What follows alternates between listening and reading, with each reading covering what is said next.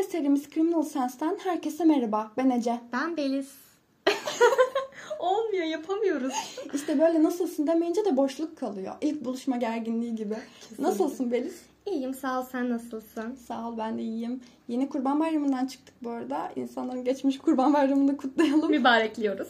evet. Senin nasıl geçti Kurban Bayramı? Asla kurban bayramı ya da normal bir bayram havasında değildi. Bilmiyorum evde otursam bu kadar sıkılmazdım muhtemelen. Doğru. Öyle eski bayramların tadı kalmadı diyebiliriz. Nerede o eski bayramlar? Senin nasıldı? Benim de öyleydi. Bence de sıradan bir gün gibiydi. Ama ben bu durumu çok seviyorum. Akrabaları falan çok sevmem. Seven Akrabaları zaten bedavaya satsak muhtemelen kimse almaz. Hadi ben de size bir bilgi satayım burada. Geçmiş podcastimizde de bir sohbet eşliğinde anlattığım konu vardı. Kayıp denizaltı. Hı hı. Ona yeni bilet satışları başlamış arkadaşlar. Aa. 250 bin dolarınız varsa enayiyseniz ve ölmek isterseniz eğer zorbaladıktan sonra. Aa, bu bilgiyi de ben size paylaşmak istedim. Ya garipmiş insanların akıllanmayışı da bana birini hatırlattı. Ben. Ve ben. Ay tanıdık geldi. Bu podcastimiz aslında çok heyecan verici. Ben başlığı ilk gördüğümde inanılmaz derecede heyecanlanmıştım. O yüzden hemen de başlamak istiyorum. Evet evet bayağı ilginç bir dava bu. Bence bugüne kadar yani 3 bölüm yaptık ama en iyilerinden biri. Çünkü ben çok seviyorum bu tarz kayıp davalarını. Evet. E, o zaman şöyle gireyim konuya. Gizemli katayım biraz. Bir hafta sonu kamp yapmaya giden 4 kişilik arkadaş grubu eve 3 kişi olarak dönüyor. Ve bugün bu gizemli kayboluşun detaylarına bakacağız. Christina Kalayka 19 Aralık 1986 yılında Kanada'da Toronto'nun Cabbagetown semtinde doğuyor. Annesi Elizabeth Rutledge ve babası Mario Kalayka. Christina henüz bir yaşındayken bu çift boşanıyor ve annesi Christina'yı tek başına büyütüyor. Elizabeth Filipinler'den göçmüş Kanada'ya yıllar önce. Harika bir anne bu arada. Tuttuğunu koparan, çocuğunu sevgi dolu bir yuvada büyüten ve onun için her şey yapmaya hazır biri. Daha sonra tekrar evleniyor ve Christina 6 yaşındayken bu evlilikten bir oğlu oluyor. Adı da Michael. Christina kardeşini ve ona ablalık yapmayı çok seviyor. Kısaca tüm aile birbirine çok düşkün diyebiliriz. Zaten Christina'nın en büyük özelliği çok düşünceli ve şefkatli biri olması. Diğer insanları kendinden daha fazla düşünüyor. Kanatsız bir melek yani. Ve annesinin onu tek başına büyütürken çektiği zorlukları bildiğinden bir şekilde annesine bunların karşılığını vermek istiyor. Tüm annelerin şey ideal kız evladı. Evet yani böyle vefalı bir çocuk, böyle çalışkan, işte kendinden veren harika biri. Christina kilisede büyüyor bile diyebiliriz. Çünkü annesi tahmin edin bayağı koyu katolik. Hiç şaşırmıyorum bu olaya ya. Tüm davalarımızda hepsi çok inanılmaz derecede dinine bağlı insanlardı. Evet hep öyle denk geldi. O yüzden hep annesiyle kiliseye gidiyorlar birlikte. Kilisedeki gençlik grubu da onun için çok büyük bir tutku. Boş zamanlarını gönüllü olarak çocuklarla vakit geçiriyor. Onlara bir şeyler öğretiyor. Çocuklar da bayılıyorlar ona. Çok iyi anlaşıyor hepsiyle. ben tanıdık geldi ben gerçekten. evet gerçekten sen. Hatta şöyle bir şey anlatayım size. Biz Beliz'le ne zaman böyle sokakta yürüsek bir yere gideceğiz falan. Yolda bir çocuk görüyor. Ama gördüğü her çocuğa. Bir de ben, tatlı. evet benden onay almak gibi. Baksana ne kadar da tatlı ya. Çok tatlı değil mi? Ya hayır sıradan bir çocuk işte. Yani tamam her çocuk tatlıdır da. Değil. Yani normal bir çocuk abi. Çocukları da sınıflandırmak istemiyorum. Ama Bunu da zorbalayamayız ya gerçekten artık. Beliz de öyle yani çok seviyor çocukları. İyi de anlaşıyor. Bu konuda benziyorsunuz Christina'yla. Christina eşittir ben. Evet. Ayrıca dünya çapında e, gençlere yönelik ve gençlerle çalışan Youth for Christ adında bir program var. Christina da bu program adına büyük konferanslar organize ediyor. Ya bu bağlamda oldukça girişken ve lider ruhlu biri olduğundan da söz edebiliriz. Liseden sonra da George Brown Üniversitesi'nde okul öncesi eğitim bölümünde okuyor. Christina'nın en büyük hedeflerinden biri annesinin memleketi Filipinler'de misyonerlik işleri yapmak, hayır işleri yapmak diyebiliriz. Oradaki insanlara yardım etmek istiyor. İyilik meleği yani. evet evet. Hiç gitmemiş Filipinlere ama gerçekten en büyük hayallerinden biri oradaki insanlara yardım etmek. Bir diğer hedefi de İngiltere'deki York Üniversitesi'nde öğretmenlik okumak. Şimdi 2007 yılının Ağustos ayına geliyoruz. Christina'nın nasıl bir kişiliği olduğundan bahsettik. Bence anladık yani gayet süper bir kız. Yani. Ee, 2007 yılının Ağustos ayında Kanada'da Civic Holiday denen bir olay varmış. Yani genel bir olay bu. O, o yıla özel değil. Ağustos'un ilk pazartesi gününde hafta sonunu ekliyorlarmış. Yani normalden uzun bir hafta sonu oluyor. Christina da bu hafta sonunu bir tatile giderek değerlendirmek istiyor. Ve arkadaşları Edward Migu 20 yaşında. Joe Benedict 19 yaşında ve Faith Costello, Costello o da 20 yaşında. Bundan bahsediyor. Edward ona Eddie diyorlar. Biz de öyle diyeceğiz.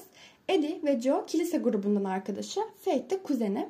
Bu arada Faith kız, Eddie ve Joe erkek. Eğer isimlerden anlaşılmadıysa ve merak ettiyseniz söyleyeyim. Arkadaşlarına da uyuyor bu fikir. Diyorlar yapalım bir tatil güzel olur. Başta Montreal'e gitmeyi düşünüyorlar. Ama otel fiyatları pahalı gelince vazgeçiyorlar. Ve kamp yapmaya öneriyor arkadaşlar. Aslında Christina sanırım çok istememiş. Ama hani arkadaşları yapalım deyince de kabul etmiş. Evet, çoğunluğa uymak istemiştir. Rainbow Falls Eyalet Parkı'nda kamp yapmaya karar veriyorlar. Bu park Ontario'da. Hiçbiri deneyimli kampçı değil. Dümdüz internete kamp yeri yazıyorlar ve burayı seçiyorlar. Hani yoksa bildikleri bir yer olduğundan da değil yani. Ayrıca burası çok büyük bir park. Ormanlık alanla kaplı. İşte büyük şelaleler falan da var. Dikkatli olunması gereken bir yer. Bunlar da deneyimli kampçılar değil. Biraz riskli bir seçim bu kadar büyük bir kamp alanında kamp yapmak aslında. 4 Ağustos cumartesi, cumartesi sabah 10'da Eddie, Joe ve Faith Christina'nın evine geliyor onu almak için. Eddie'nin arabasıyla geliyorlar ama biraz eski Eddie'nin arabası. O yüzden Christina ya bizim arabayla mı gitsek riske atmayalım diyor. 14-15 saatlik bir yolculuk olacak çünkü. Öyle de yapıyorlar. Christina'nın arabasıyla çıkılıyor yola. Uzun bir yol zaten ama çocuklar bayağı mola vere vere gittiğinden planladıklarından da genç, geç varıyorlar kamp alanına. Hani bayağı bir mola vermekten bahsediyorum. Aynen bir benzinlikte durup 2 dakikalık yani. mola vermek gibi değil. Ciddi anlamda duruyorlar böyle gittikleri yerlerde. 4 Ağustos cumartesi sabah 10'da düşünün. O civarda evden çıkıyorlar. Ertesi gün 5 Ağustos pazar günü öğle saatlerinde geliyorlar Rainbow Falls'a. Gelince rezerve ettirdikleri kamp yerinin ana yola çok yakın olduğunu görüyorlar ve daha parkın içine doğru, daha insanlardan uzak bir yere aldırıyorlar. Daha sonra çadır kurma, ateş yakma, işte iyice eşyaları açıp yerleşme kısmına geçiliyor. Fotoğraf falan çekiyorlar, yemek yiyorlar ve saat akşam üzeri 6.30 civarında daha fazla yorgunluğa dayanamadıklarından biraz uyumaya karar veriyorlar. Ama geldiklerinden beri hiç etrafı da keşfedemediler. Bu yüzden çok uyumayalım, alarm kurup uyanalım diyorlar. Ama alarmı mı kuramamışlar artık duymamışlar mı onu bilmiyorum. Muhtemelen hata Çok vermiş. yorgun olduklarındandır belki O da olabilir. Yarım saatlik bir kestirme olarak planladıkları uyku 4 saatlik bir uyku oluyor. Ve akşam 10'da uyanıyorlar. Uyandıklarında çok açlar, işte hemen yemek yapıyorlar. Yanında biraz alkol de içiyorlar ama hiçbir sarhoş olmuyor. Yemeğe eşlikli, eşlikçi hı hı. şeklinde. Ve bu kısımda birazcık saatlere de dikkat etmenizi isteyeceğim. Ee, dediğim gibi ben tekrar bir özet geçeyim. 5 Ağustos pazar günü öğle saatlerinde vardılar. 6.30 civarında yani bayağı bir 6 saat kadar 5 saat işte hazırladılar kamp alanını çadırlarını. 6.30'da uyuyorlar ve 10'da uyanıyorlar. Daha sonra yemek yeniyor. Sohbet o kadar koyu ki o kamp ateşinin başında gece 3'e kadar oturup sohbet ediyorlar. Bu arada saat gece 12'yi geçtiği için artık çünkü akşam gece 10'da uyanmışlardı. E, birkaç saat sonra gece 12'yi geçiyor ve 6 Ağustos diyeceğim. 6 Ağustos pazartesi olmuş oluyor tarihler. E, gece 12.08'de Faith, Christina'nın ateşin başında otururken bir fotoğrafını çekiyor. Yanında Joe ve Eddie var. Ve o fotoğraf Christina'nın son fotoğrafı. Bu hayatta çekilmiş. Instagram'a koyacağız o fotoğrafı. Oradan bakabilirsiniz. Ya ne kadar acı arkadaşının son fotoğrafını evet. çekiyorsun. Ama işte bilmiyorsun son fotoğraf evet. olacağında. Gece 3'te Eddie duş almaya gidiyor. Duş alanları kendi kamp yaptıkları bölgeden birazcık uzakta ama çok uzakta değil zaten umumi bir tuvalet ve duş yeri. Herkesin kullandığı bir yer. Yarım saat sonra döndüğünde sadece Christina uyanık. Hatta Christina Eddie'ye şaka yapmış işte karanlıkta yüzmeye mi gitsek diye. Çünkü göl de var o kamp alanında. Oranın fotoğraflarını da koyacağız, haritasını da koyacağız. Bayağı büyük bir yer. Ama tabii gitmiyorlar. Onlar da çadırlarına girip uyuyor. Birkaç saat sonra yani sabah karşı 6.30 civarı Eddie ve Christina tekrar uyanıyor. Zaten gece 3'te işte duştan gelmişti Eddie. Hı hı. 6.30 civarında e, uyanıyorlar tekrar. Çok az uyuyorlar. Faith ve ise uyumaya devam ediyor. Christina ve Eddie uyanık. Christina Eddie'ye lavaboya gitmem gerekiyor benimle gelir misin diye soruyor. Beraber gidiyorlar. Sonra çadıra geri yürürlerken Eddie Christina'ya biraz koşuya mı çıksak diyor. Christina da kabul ediyor. Ee, ama burası biraz garip bulunmuş. Çünkü Christina yıllar önce ayağını e, incitmiş. Ya daha doğrusu incitmiş dediğim bir iğneye basmış sanırım. Sivri bir şeye basmış. Hı hı. Oradan enfeksiyon kapmış. Nasır oluşmuş. Ve bu yüzden de yıllar boyunca da bastığı zaman ayağı acıyormuş. bu yüzden yani garip gelmiş koşmak istemesi. Ama yani koşmak istemiş olabilir. Kız sakat değil sonuçta. Sadece ayağı uzun süre ayakta durduğu zaman acıyor. İkili beraber bir süre koşuyor. Ama Christina hem tükenmiş durumda hem de ayağı acıyor. O yüzden daha fazla ayak uyduramıyor diye.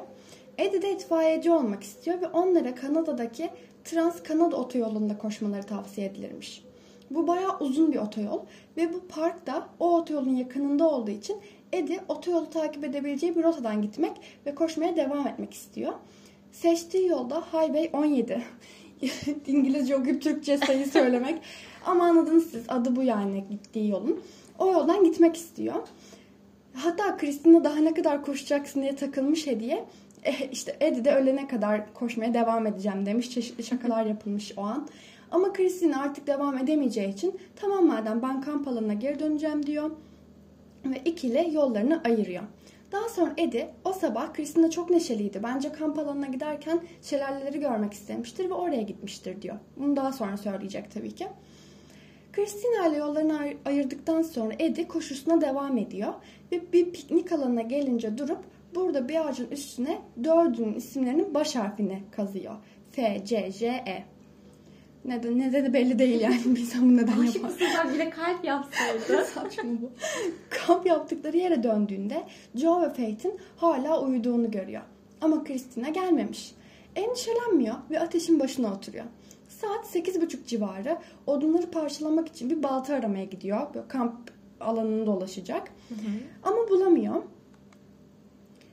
E, bu arada demiştim işte 6.30'da koşuya çıkıyorlar. Saat 8.30'da Ede oradan geliyor işte balta aramaya çıkıyor vesaire. Birkaç saat olmuş Kristina ile ayrılalı.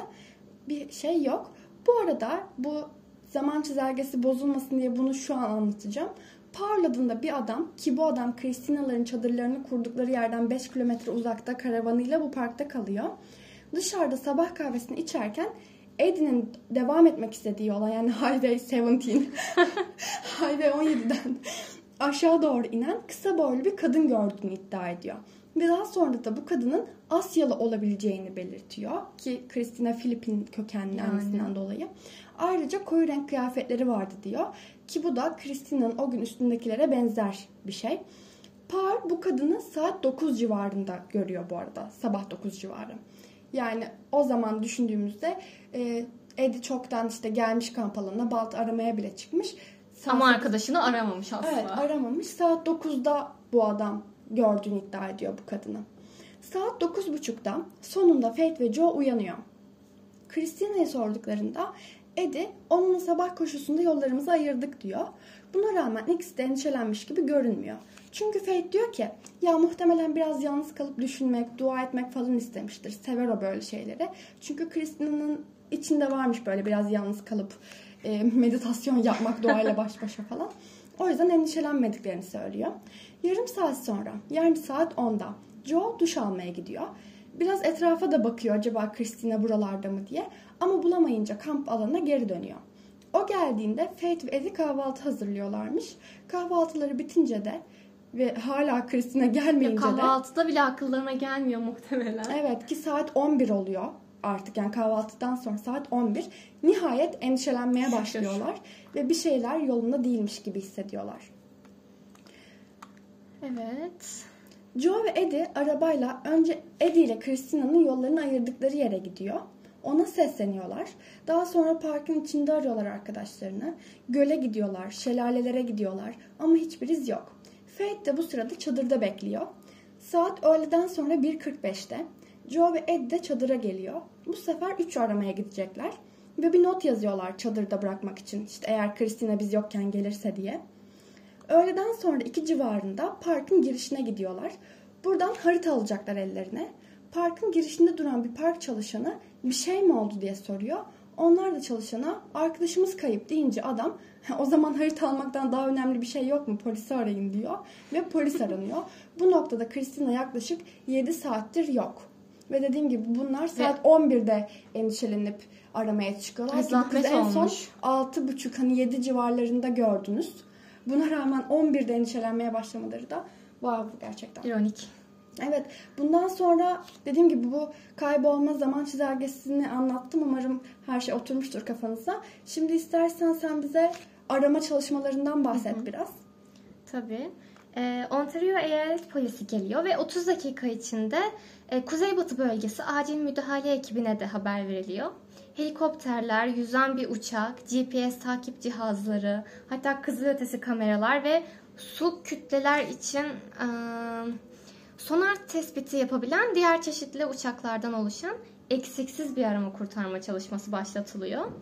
Yani bulunmaması için hiçbir sebep yok aslında. Hani gerçekten başına herhangi bir şey gelseydi ormanda illaki bulunurdu bu kadar çalışmaya rağmen. Birkaç saat sonra yani öğleden sonra 4 civarları annesi Elizabeth'e haber veriliyor. Ve tüm bölgeye şey tüm bölgeye aile gitmek için yola çıkıyor. Bölgeye gitmek için yola çıkıyor yani.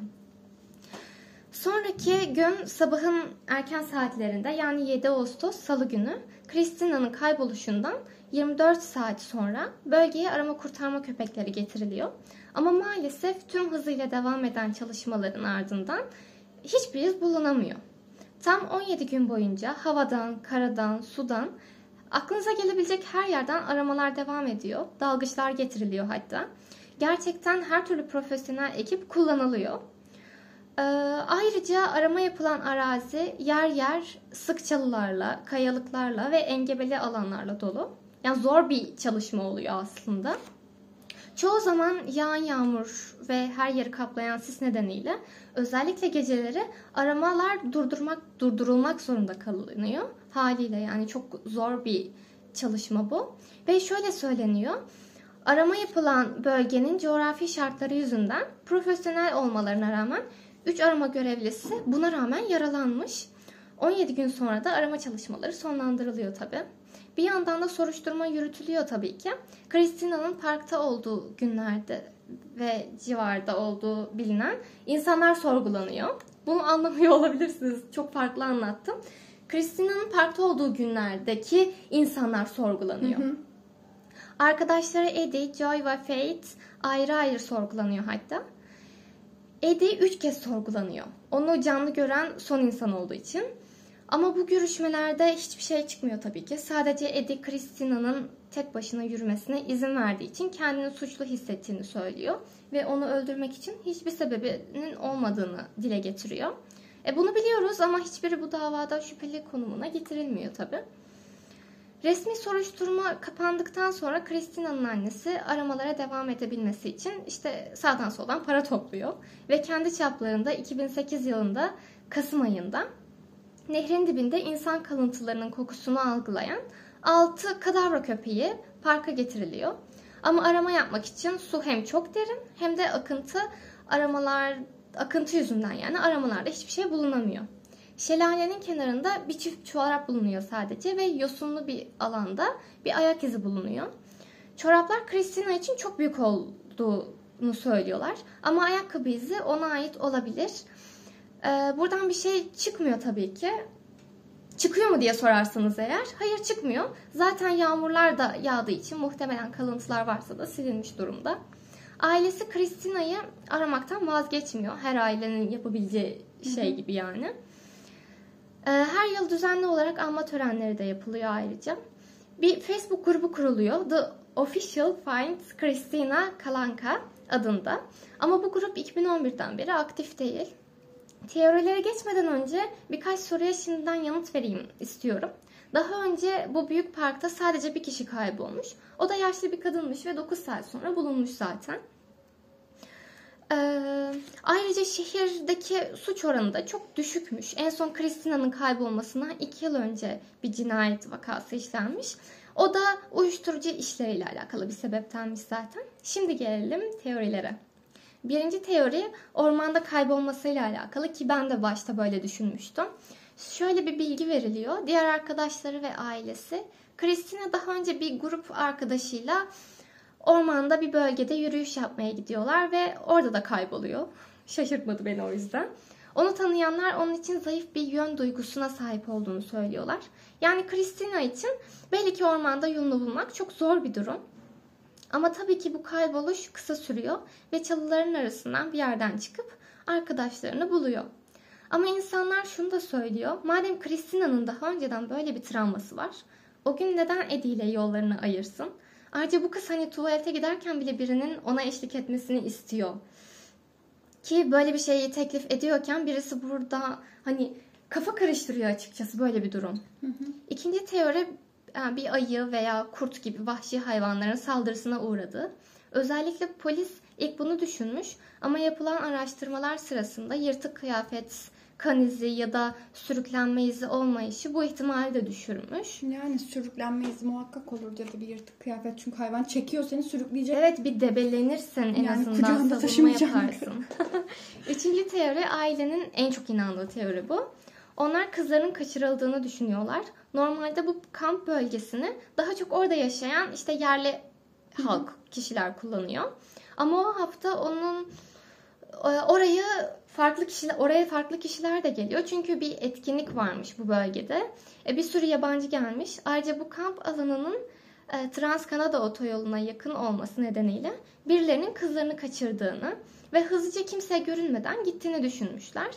Christina'nın çok yardımsever biri olduğunu düşünürsek birinin ondan yardım istiyormuş gibi yapması ve sonradan kaçırması ya da tam tersi olarak Christina'nın insanlara güvenip onlardan yardım isteyip mesela beni kamp alanına götürebilir miyiz demesi gibi çok fazla imkan da var tabii ki.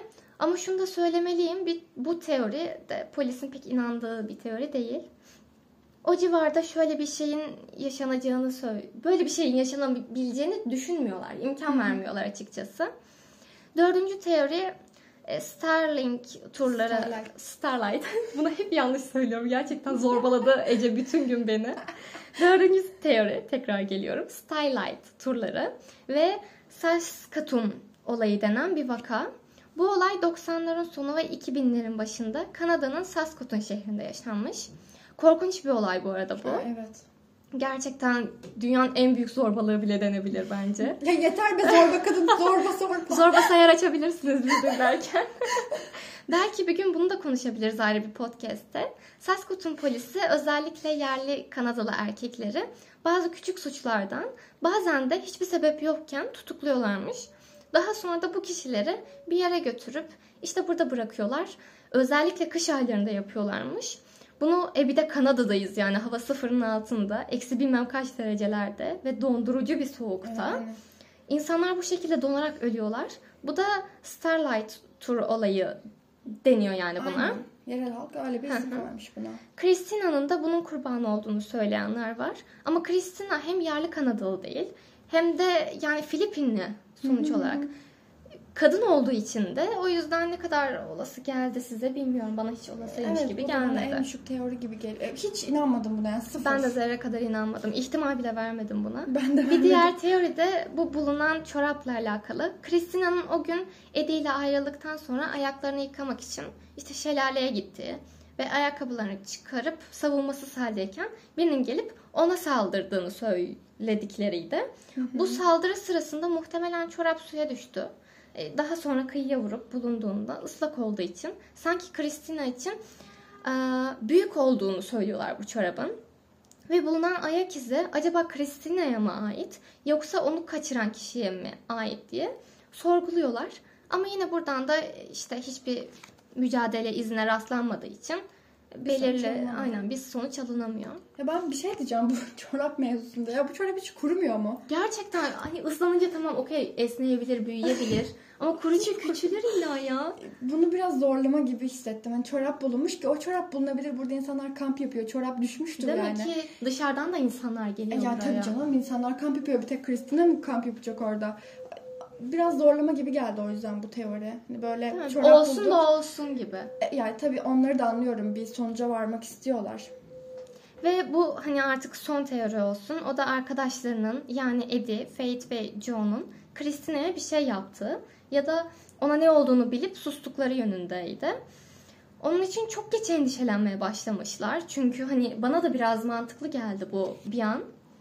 Hani saatler geçmiş artık 7 saat sonra arkadaşınızı aramaya çıkmışsınız. Şükür yani.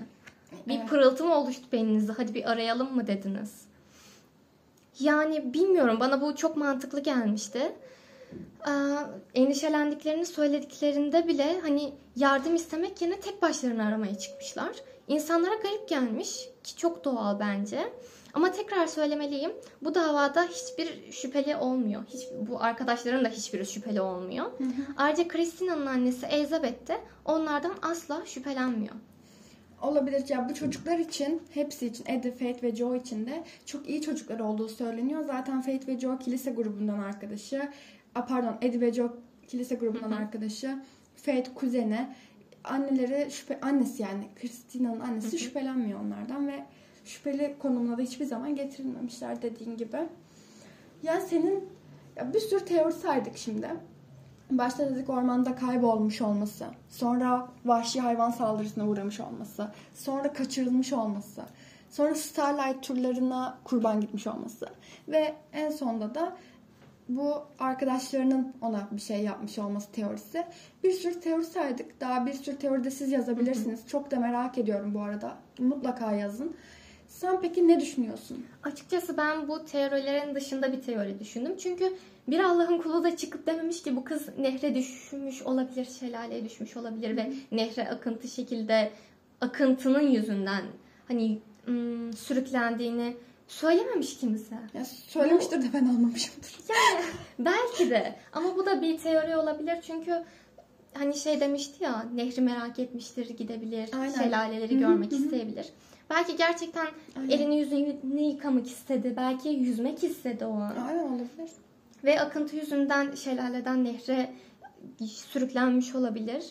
Başta şeye de çok inanmıştım. Hani çok geniş bir alan sonuçta bu. Herhangi bir hayvanın da saldırdığını düşünmüştüm ama hiçbir iz bulunmamış yani. Evet, bir debelenme izi, Evet. bir karşı koyma izi illa bulunabilirdi. Ki ormanda kaybolsa bile bence artık çoktan 10 kere ölmüştür. Toprağa karışmıştır yani. Sağ ol ya. Ve dünyanın en zorba insanı. Zorba sayacı bir şey daha ekleyin. Biri keşke saysa senin kaç kere zorba. Seni de o yüzden Ya, ay- aynen öyle. okey. Ben de sürekli onu diyorum. Aynen öyle. ya ben neye inanıyorum peki? Ben şuna inanıyorum açıkçası. Kay, kaybolduğuna inanıyorum. Yani kaçırıldığına pek inanmıyorum. O Starlight Tour olayına hiç inanmıyorum. İşte hayvan saldırısı dediğin gibi muhtemel ama bir kalıntı hiç yok. Bir sürüklenme izi, bir kıyafet parçası. Çünkü hayvan dediğim gibi kucağında taşımayacak seni sürükleyecek. O yüzden Christina e, yön duygusu zayıf bir kızmış. Kendime çok benzettim. Ben de bir arkadaşımın evine 9 kere gideyim. 10. da illa kayboluyorum. Konum atsana bana diyorum. Ya, olmuyor abi. Olmayınca olmuyor. yani O yüzden kaybolmuş olabilir geri dönüş yolunda. Ee, ve şöyle düşünün. Burası şelalelerle dolu bir park alanı ve bu şelaleler hani minik şelale değil. Güldür güldür akan şelaleler. güldür güldür. Tabii canım. Ya bir de şöyle düşün. Bir hayvan sesi duydu. Bir çıtırtı patırtı duydu. Korktu diyelim. İşte arkasına baka baka koşuyor. Önüne bakmıyor. E, uçurumu vardır ya hani şelalenin de Evet. uçurumdan akar. Oradan bir düşse o akıntıyla da kapılıp gitse mesela bulunmaması o yüzden olası. Çok, evet bence de. Ki ben daha önce böyle büyük bir parkta kayboluşa hiç şahit olmadım. Yani umarım hiçbirimiz şahit olmayız, yaşamayız da. Ama bu, bu davayı araştırırken şöyle şeyler okudum. İnsanlar demiş ki bizim buralarda bir kamp alanında e, bir kayıp vakası yaşanmıştı ve kaybolan kişi yıllar sonra kaybolduğu noktada bulundu. Çünkü sık çalıların arasında kalıyorsan eğer görünmeme ihtimalin var. Seni ne kadar iyi aramış olurlarsa olsunlar sık çalılıklardan bahsediyoruz. Ya da işte bir yerden yuvarlandı, bir çalının arasına girdi. Görünmemiş olabilirsin. Kafasına vurup bayılmış ve ses çıkaramamış olabilir. Evet. Bir mağaranın içine saklanmış olabilir, oraya düşmüş olabilir. Yani ben bu tarz bir şey olduğunu düşünüyorum. Ama şunu da ekleyeceğim. Burada arkadaşları Eddie, Faith ve Joe hiçbir şey yapmadıysa bile ki onların e, Christina'ya bir şey yaptığına inananlar da var. Ama ben pek öldürmeleri için sebep bulamadım. Ben de. Bilmiyorum. Öldürmüş ol- olmadıklarını düşünüyorum. Yani öldürmemişlerdir. Ama şuna inanıyorum. Bu çocuklar Christina'ya hiçbir şey yapmadıysa bile onların hiçbir şey yapmayışı Christina'nın bugün hala bulunamamasına sebep oldu. Evet. Çünkü bir insan arkadaşını 7 saat sonra aramaz abi. Gidip harita almaya gitmez. Ararsın Evet. ya. Ya polise gidersin. Sen bu kamp alanını sanki avucun içi gibi biliyorsun da Değil kendi başına aramaya çıkıyorsun. O görevli olmasa bunlar haritayı alacaklar, aramaya çıkacaklar. Ki yön bilgisi olmayan bir arkadaşımız bu. Evet ya git polisi ara sen nasıl endişelenmezsin? Değil mi? Bak Sanki evin herhangi bir odasında bir şeyini kaybetmiş gibi devasa bir ormanda Evet. arkadaşını aramaya çıkıyorsun. Evet abi çok Saçmalık saçma. ötesi. Onların ihmalkarlığından bence bugün Christina bulunuyor. Kesinlikle. Onlar daha erken endişelenip aramaya çıksalar belki de bugün hiç bu davayı konuşmayacak. Ya da Ede hiç izin vermeseydi Evet. yollarının ayrılmasına. Zaten yol bilmiyor bu kız. E, bir de düşün tuvalete giderken bile arkadaşından rica ediyor benimle gelir misin diye. Sen nasıl bir arkadaşsın da yani ha iyi tamam sen kendin dön Bilmiyorum, biraz diyorsun. işine gelmiş gibi bu şey istiyordu ya itfaiye Hı. için. Bir Hadi tek başıma gideyim demiş gibi. İşine Yani gelmiş bileyim, biraz. Gitmiş piknik alanında baş harflerini kazımış. Ya aptal mısın? O Onu zaman yapacağına dön. çık ara. Evet yani geri dön Kristin acaba vardı mı varabildi mi diye düşün. Ya sen aptal mısın da isim kazıyorsun. Kaç yaşında çocuksun 20 yaşındasın ya. Ya bilmiyorum o yüzden arkadaşlarının bu hiçbir şey yapmamalarından dolayı suçlu İhmalkarlıkları yüzünden, Bir payları evet. var yani bana kalırsa. Ee, ya şöyle düşünüyorum. Ben arkadaşlarımla kampa gitsem bırak 7 saat 7 dakika göremesem arkadaşım civarda o noktada sirenler çalmaya başlar polisler gelir yani. Bilmediğim bir kamp alanındasın. Bilmiyorum yani. Üzüldüm. Ben İhmalkarlıklarından dolayı oldukları için üzüldüm. En azından bulunsun isterdim. Değil mi yani? Ben de isterdim. Keşke bilseydik ona ne olduğunu. Herhangi bir eşya da ona ait olduğu belirlenen bir eşya da bulunmamış Evet çünkü. hiçbir iz de bulunmamış. İşte bu kız artık muhtemelen bence de öldü. Kaçırıldığını falan çok düşünmüyorum. Ailesinin Ki artık toprağa anlıyorum. bile karışmıştır öldüyse bile Evet evet cesedi. kaç sene oluyor. Ama ailesi de tabii haklı olarak öldüğüne değil işte kaçırıldığına ve bir yerde hala yaşadığına inanıyor. Yani kim öldüğüne inanmak ister Yani ki? evet aynen öyle. O zaman diyecek başka bir şeyin varsa son bir şeyi ım, vereyim, bilgiyi vereyim. 16 yıl olmuş durumda Christina kaybolduğundan beri.